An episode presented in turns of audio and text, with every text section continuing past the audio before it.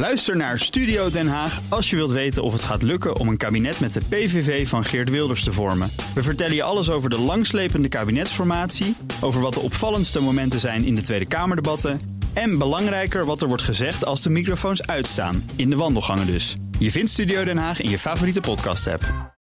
De column van Bernard Hammelburg. Zou Donald Trump zich echt zorgen maken dat de persoonlijke gegevens van de 80 miljoen Amerikaanse TikTok-gebruikers in handen vallen van de Chinese geheime dienst? Of heeft hij de pest in op de geniale lipzinkende TikTok-ster Sarah Cooper, die zijn herverkiezingscampagne meer schade toebrengt dan alle fake media en Joe Biden bij elkaar? Minister van Buitenlandse Zaken Pompeo was er heel stellig over. Data over Amerikanen die Chinese software zoals TikTok gebruiken, gaan linea recta naar dat onverzadigbare monster, de Chinese Communistische Partij. Wie ben ik om het tegen te spreken, al vraag ik me af wat dat onverzadigbare monster moet met de gegevens van 80 miljoen Amerikaanse jongelui, die zich voornamelijk vergapen aan piepjongen en vaak al schatrijke sterren, die dansend en grappenmakend door beeld huppelen.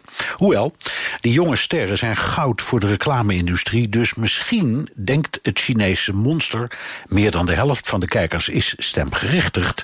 Dus kunnen we China-hater Trump een noedeltje van eigen deeg laten proeven.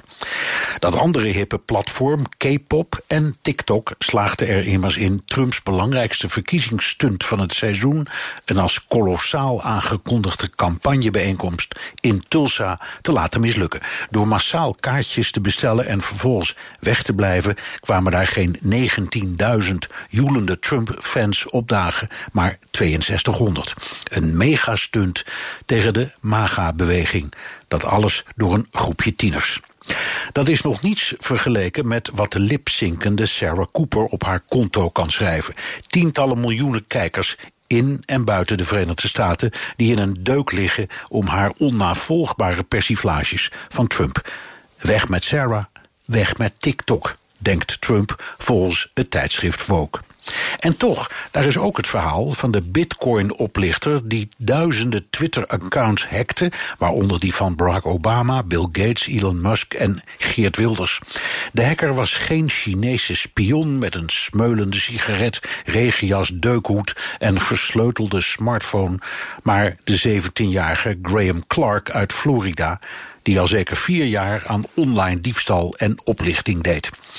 Als Trump of Pompeo hadden gezegd: daar zit de Chinese Communistische Partij achter, dan hadden we dat misschien nog geloofd ook. Zou TikTok misschien toch echt Amerikaanse persoonsgegevens hamsteren? Is Sarah Cooper geen New Yorkse actrice, maar via de Chinese geheime dienst geïnfiltreerd? alle reden voor zorg, want het lot van de vrije wereld en de westerse beschaving staat op het spel. Eén tik en tok. Het is met ons gedaan. Bij BNR ben je altijd als eerste op de hoogte van het laatste nieuws. Luister dagelijks live via internet. Bas van Werven. En heel langzaam komt de zon op rond dit tijdstip. Je krijgt inzicht in de dag die komt op BNR, het Binnenhof in Nederland en de rest van de wereld. De Ochtendspits. Voor de beste start van je werkdag. Blijf scherp en mis niets.